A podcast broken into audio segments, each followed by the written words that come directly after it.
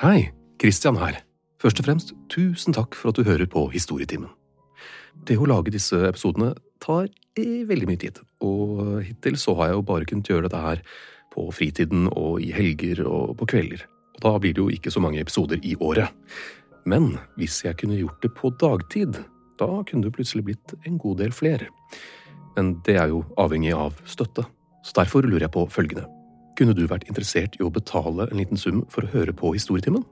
La oss si 29 kroner i måneden, eller 49 kroner i måneden, eller ja. Svaret skriver du rett i Spotify-spilleren din hvis du bruker Spotify, og hvis du bruker en eller annen spiller, så send gjerne en mail til hei at gjenklangstudio.no med svaret ditt. Hei at gjenklangstudio.no. Sånn, da er det bare å starte episoden. Igjen, tusen takk.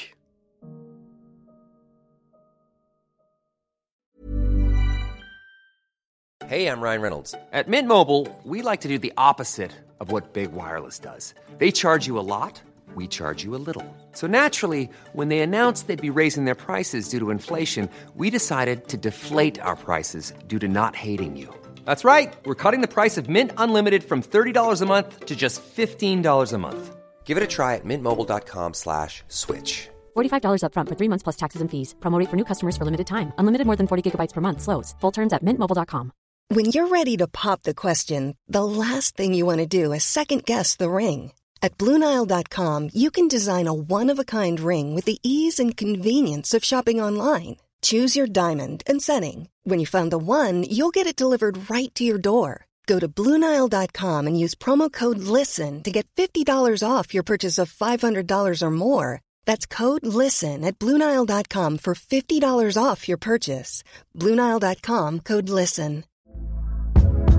Hey there, it's Michelle Norris. I'm host of a podcast called Your Mama's Kitchen. When I travel, I'm usually looking for a way to find a taste of home when I'm not at home. And one of the things I love to do when I am at home is entertain. And Airbnb allows me to do that. When I was in California recently, I rented a house that had a great kitchen. And when we were sitting around the table, we're all thinking, we're in someone else's house. Someone could be in all of our homes as well.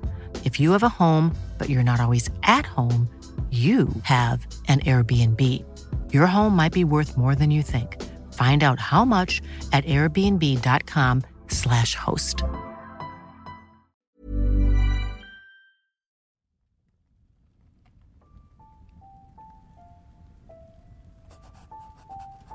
I 1325, i handels- og oppdagelsesbyen Genova, la Angelino de Dalorto siste hånd på verket sitt. Det hadde tatt tid. Lang, lang tid. Med noe så verdifullt hadde han ikke noe annet valg enn å være veldig nøye, og Angelino la sjelen sin i sitt håndarbeid. Nå var det bare å la blekket tørke, så kunne han endelig vise det frem til verden. Angelino lagde kart, et høyt anerkjent yrke, og han er den første vi vet om som ga et visst nytt tilskudd til kartene. En øy rett vest for Irland. En øy som så litt spesiell ut. Den var nemlig trill rund. En øy han ga navnet Brasil. Denne øya ble først skrevet ned som Insula de Brasil.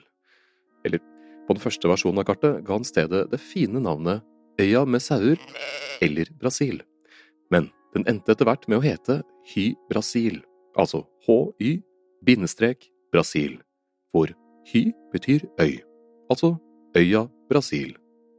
Hy Brasil var inkludert i alle de store og kjente kartene opp gjennom tidene. Man finner det på Mercator sine kart, Piri Reis sitt, og også det berømte katalanske atlas. Nå vet ikke jeg hvor stødig du er på geografi, men hvis du tar en rask titt i et nærliggende atlas, så ser du fort at det utrolig nok ikke finnes en trill rund øy rett vest for Irland. Men i over 500 år har fiskere, handelsmenn og oppdagelsesreisende som John Nesbitt og John Cabot sagt at de har sett den, eller til og med gått i land. Og i 500 år har kartografer tegnet ned øya. For all del, det var mange som ikke så øya, sikkert de fleste, men hva de tenkte om saken er ikke lett å vite. For det var ikke bare det at den var trill rund som gjorde den litt spesiell, den kunne også bare ses én dag hvert syvende år. Så hvis man seilte rundt i området og ikke så noe, tenkte man kanskje ja ja, da har det ikke gått syv år siden sist, da. Eller uff da, jeg bomma på datoen. Og dette var jo selvsagt litt kinkig, spesielt siden det ble sagt at det var uendelig med både rikdom og visdom på øya. Og hvem vil ikke ha det? På slutten av 1400-tallet sendte den engelske kronen ut flere skip hvert år i syv år for å forsikre seg om at de fant den. Noe de selvsagt ikke gjorde. Men stoppet det iveren etter å finne øya? Nei. Hvorfor trodde folk så lenge, altså i over 500 år, at den fantes? Hvor kommer denne øya fra? Og hvorfor i alle dager het den Brasil? La oss utelukke én ting med en gang. Øya er ikke kalt opp etter landet Brasil. Landet Brasil ble jo oppdaget et par hundre år etter at øya først ble skrevet ned på kart. Og landet Brasil er ikke kalt opp etter øya. Det søramerikanske landet Brasil er oppkalt etter et tre man fant der som ga et rødt fargestoff som lenge var veldig populært. Det treet og fargestoffet fikk på grunn av den rødglødende fargen navnet brasa, som på latin betyr akkurat det glød eller glødende kull. Øya Brasil var ikke kalt opp etter dette treet fordi det treet gror som nevnt i Sør-Amerika, et kontinent som meg bekjent ikke inkluderer Irland. Så da starter vi med den kjedeligste teorien, og det er at det kan ha vært en luftspeiling, en optisk illusjon. Ved riktige forhold, som meteorologer kan mye mer om enn meg, kan blandingen av varm og kald luft og lys og vann skape en optisk illusjon selv i Irland. Dette her er dokumentert at skjedde i Sør-Irland den 7. juni 1878, da en hel landsby plutselig så en øy ute i sjøen hvor det aldri hadde vært en øy før. Da noen fiskere dro ut for å se nærmere på øya, forsvant den plutselig. Nå skal det sies at dette her er fra 1878, og sikkert er pyntet på for å høres mer fantastisk ut enn det kanskje var, men poenget er at meteorologer sier det er mulig. En annen teori, dog ganske far-fetched, er at Hy-Brasil har ligget i det irske folkets kollektive hukommelse siden forrige istid, da vannstanden var betydelig lavere. Det er nemlig et område under vann vest for Irland som går under navnet Porcupine Bank. Dette området lå sannsynligvis over havoverflaten for en 10 000 år siden ca., og har med tiden sunket under havet. Samme som området Dogger Bank gjorde øst for England. Og det er et område vi vet at det var bosetninger på. Og det er litt hold i denne såkalte kollektive hukommelseteorien. For å flytte oss til den andre siden av kloden et lite øyeblikk. Aboriginerne. De har ikke et eget skriftspråk. Som så mange andre jeger- og sankerkulturer har det vært avhengig av muntlig overlevering av kunnskap og historier. Og en av disse historiene deres handler om et fjell ute i sjøen. Noen lure forskere har sjekket litt nærmere og funnet ut at jo da, det er sant det. Det var et fjell der. For over 8000 år siden. Så for muntlig overlevering, eller som en slags viskelek som faktisk funker, så har aborginerne delt historien videre, selv etter at området historien handlet om, ble borte. Og det er ganske kult. Men tilbake til Europa. Irene er ikke jegere og sankere. De har hatt sitt eget skriftspråk lenge, og det finnes ingen gamle nedskrevne historier om Hy-Brasil. Så kanskje ikke en så veldig sannsynlig teori. Ellers blir den omtalt som irenes Atlantis, så klart. En øy som forsvinner under havet. Men også som et ufo-område. Jim Pennison, en amerikansk soldat basert i England, fortalte at han i 1980 så en ufo lande i en skog i England. Han tok på ufoen og fikk tilsendt 16 sider med binærkoder via telepati. Han skrev det ned dagen etter, og da han senere gikk gjennom tallene, så han annet koordinatene til Hy-Brasil utenfor Irlands kyst. Dette er utrolig fjasete, så klart, men jeg har for moro skyld lagt ved et bilde hvor han mente det var i infoen. En annen ting vi vet, er at sjømenn, fiskere og smuglere brukte betegnelsen som kode. For akkurat hva har nok endret seg med årene. Fiskere brukte det muligens om de ekstreme fiskemulighetene utenfor Canadas kyst. Man vil jo ikke fortelle alle andre hvor de store pengene ligger og venter. I tillegg så hadde Det hanseatiske forbundet på et tidspunkt en krig gående med England, og la ned forbud mot torskefiske for å straffe dem økonomisk. Så ja, kan være en kobling der. Med årene ble øya nedtegnet stadig lenger mot vest, vekk fra Irlands kyst, så noen mener at det kunne vært en øy i Karibien, mens andre mener at øya egentlig var Baffin Island, Canadas største øy. En øy som ligger mellom Canada, Grønland og Nordpolen. Et lite stykke unna Irland. Så, da har vi kommet til den siste muligheten. Eller den siste som jeg kan noe om, i hvert fall. Og det er den teorien som er opplest og vedtatt av mange irer. For i Irland har ulike former for Brasil i lang tid vært et vanlig navn. Bres er et gammelirsk ord for vakker, mektig eller velsignet. Det er til og med en klan i Nord-Irland som heter Ui Bresail. Nå, ja, nå slakter jeg det irske språket her. I, keltisk mytologi het også sjefsguden Brasail, Så det høres ut som en sterk kandidat. I gammel irsk kultur som de aller fleste gamle kulturer, har det vært mange historier om folk som har reist til den andre siden, paradis eller en magisk øy av noe slag. En av disse historiene ble skrevet ned rundt 700-800-tallet og heter Brans reise. Der får kongen Bran besøk av en magisk dame som forteller han at det er en øy han kan dra til, hvor alt er fryd og gammen, og det bare er damer. Piranen blir selvsagt ganske gira og tar med seg noen karer og seiler av gårde. Kort fortalt finner de stedet og koser seg gløgg inntil en av kara får hjemlengsel, hvorpå de reiser hjem. Der finner de ut at tiden har gått mye fortere hjemme enn der de har vært, så ingen kjenner dem igjen. Etter at den første karen går i land, finner de også ut at de dør hvis de går i land. Så de seiler av gårde igjen. Minus én person. Sikkert tilbake til damene. Men sånne reisebeskrivelser om en helt og hans menn som reiser til ulike magiske og mystiske steder, fins drøssevis av. Odysseen og Iliaden er jo to relativt kjente eksempler. Helten er gjerne en konge, prins eller halvgud, og reiser alltid til et sted ingen andre kan reise til. Og det er jo egentlig fair. Det hadde vært litt kjedelig om Hercules ikke dro til underverden for å bekjempe en trehodet hund, men i stedet dro til Moss for å bekjempe en cocker spaniel. Ingen sammenligning ment der, for øvrig. Atlantis er jo også en slik magisk og mystisk øy hvor alt bare er bra, og som vi dødelige av merkelig grunn sliter med å komme til så kan Hy-Brasil komme fra disse mytene. Kanskje, men ikke veldig sannsynlig. Vanligvis med mytiske steder starter opp med en ja, myte, eller en historie.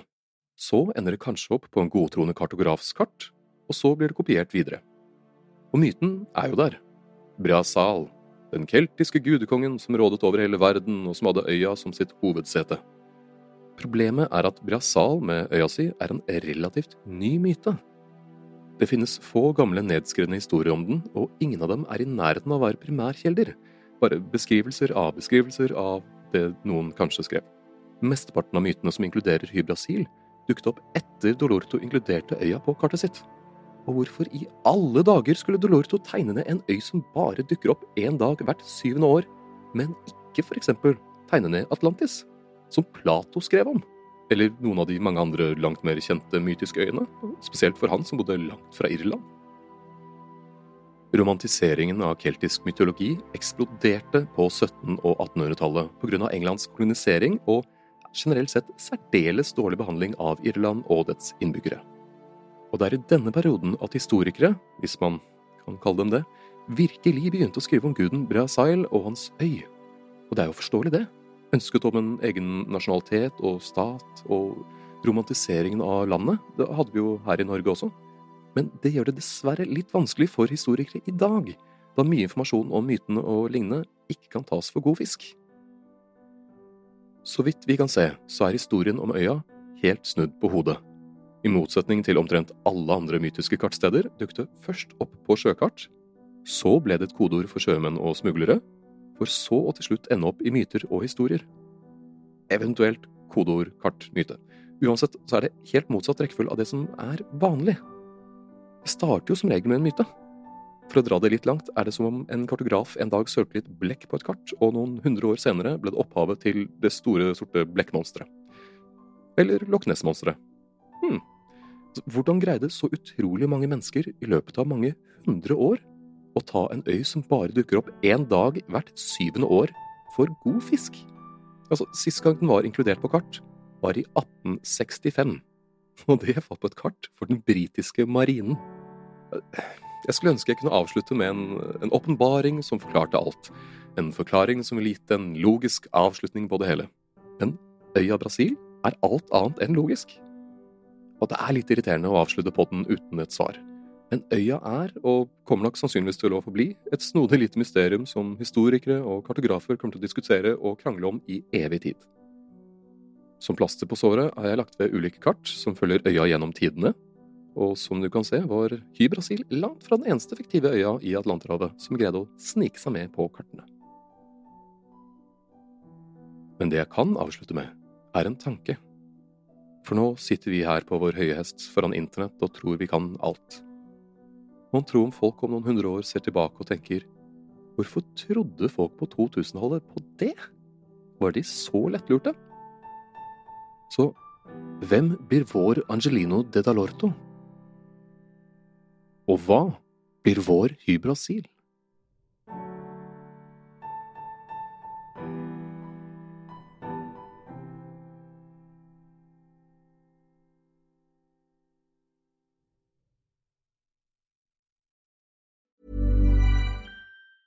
Mom deserves the best, and there's no better place to shop for Mother's Day than Whole Foods Market. They're your destination for unbeatable savings, from premium gifts to show-stopping flowers and irresistible desserts. Start by saving 33% with Prime on all body care and candles. Then get a 15-stem bunch of tulips for just $9.99 each with Prime. Round out Mom's menu with festive rosé, irresistible berry chantilly cake, and more special treats. Come celebrate Mother's Day at Whole Foods Market. Hi, I'm Daniel, founder of Pretty Litter. Did you know cats tend to hide symptoms of sickness and pain? I learned this the hard way after losing my cat, Gingy. So I created Pretty Litter, a health monitoring litter that helps detect early signs of illness by changing colors, saving you money and potentially your cat's life. Pretty Litter is veterinarian developed, and it's the easiest way to keep tabs on your fur baby's health right at home. Go to prettylitter.com and use code ACAST for 20% off your first order and a free cat toy. Terms and conditions apply. See site for details.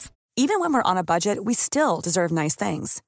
Quince is a place to scoop up stunning high end goods for 50 to 80% less than similar brands. They have buttery soft cashmere sweaters starting at $50, luxurious Italian leather bags, and so much more. Plus, Quince only works with factories that use safe, ethical, and responsible manufacturing. Get the high-end goods you'll love without the high price tag with Quince. Go to quince.com slash style for free shipping and 365-day returns.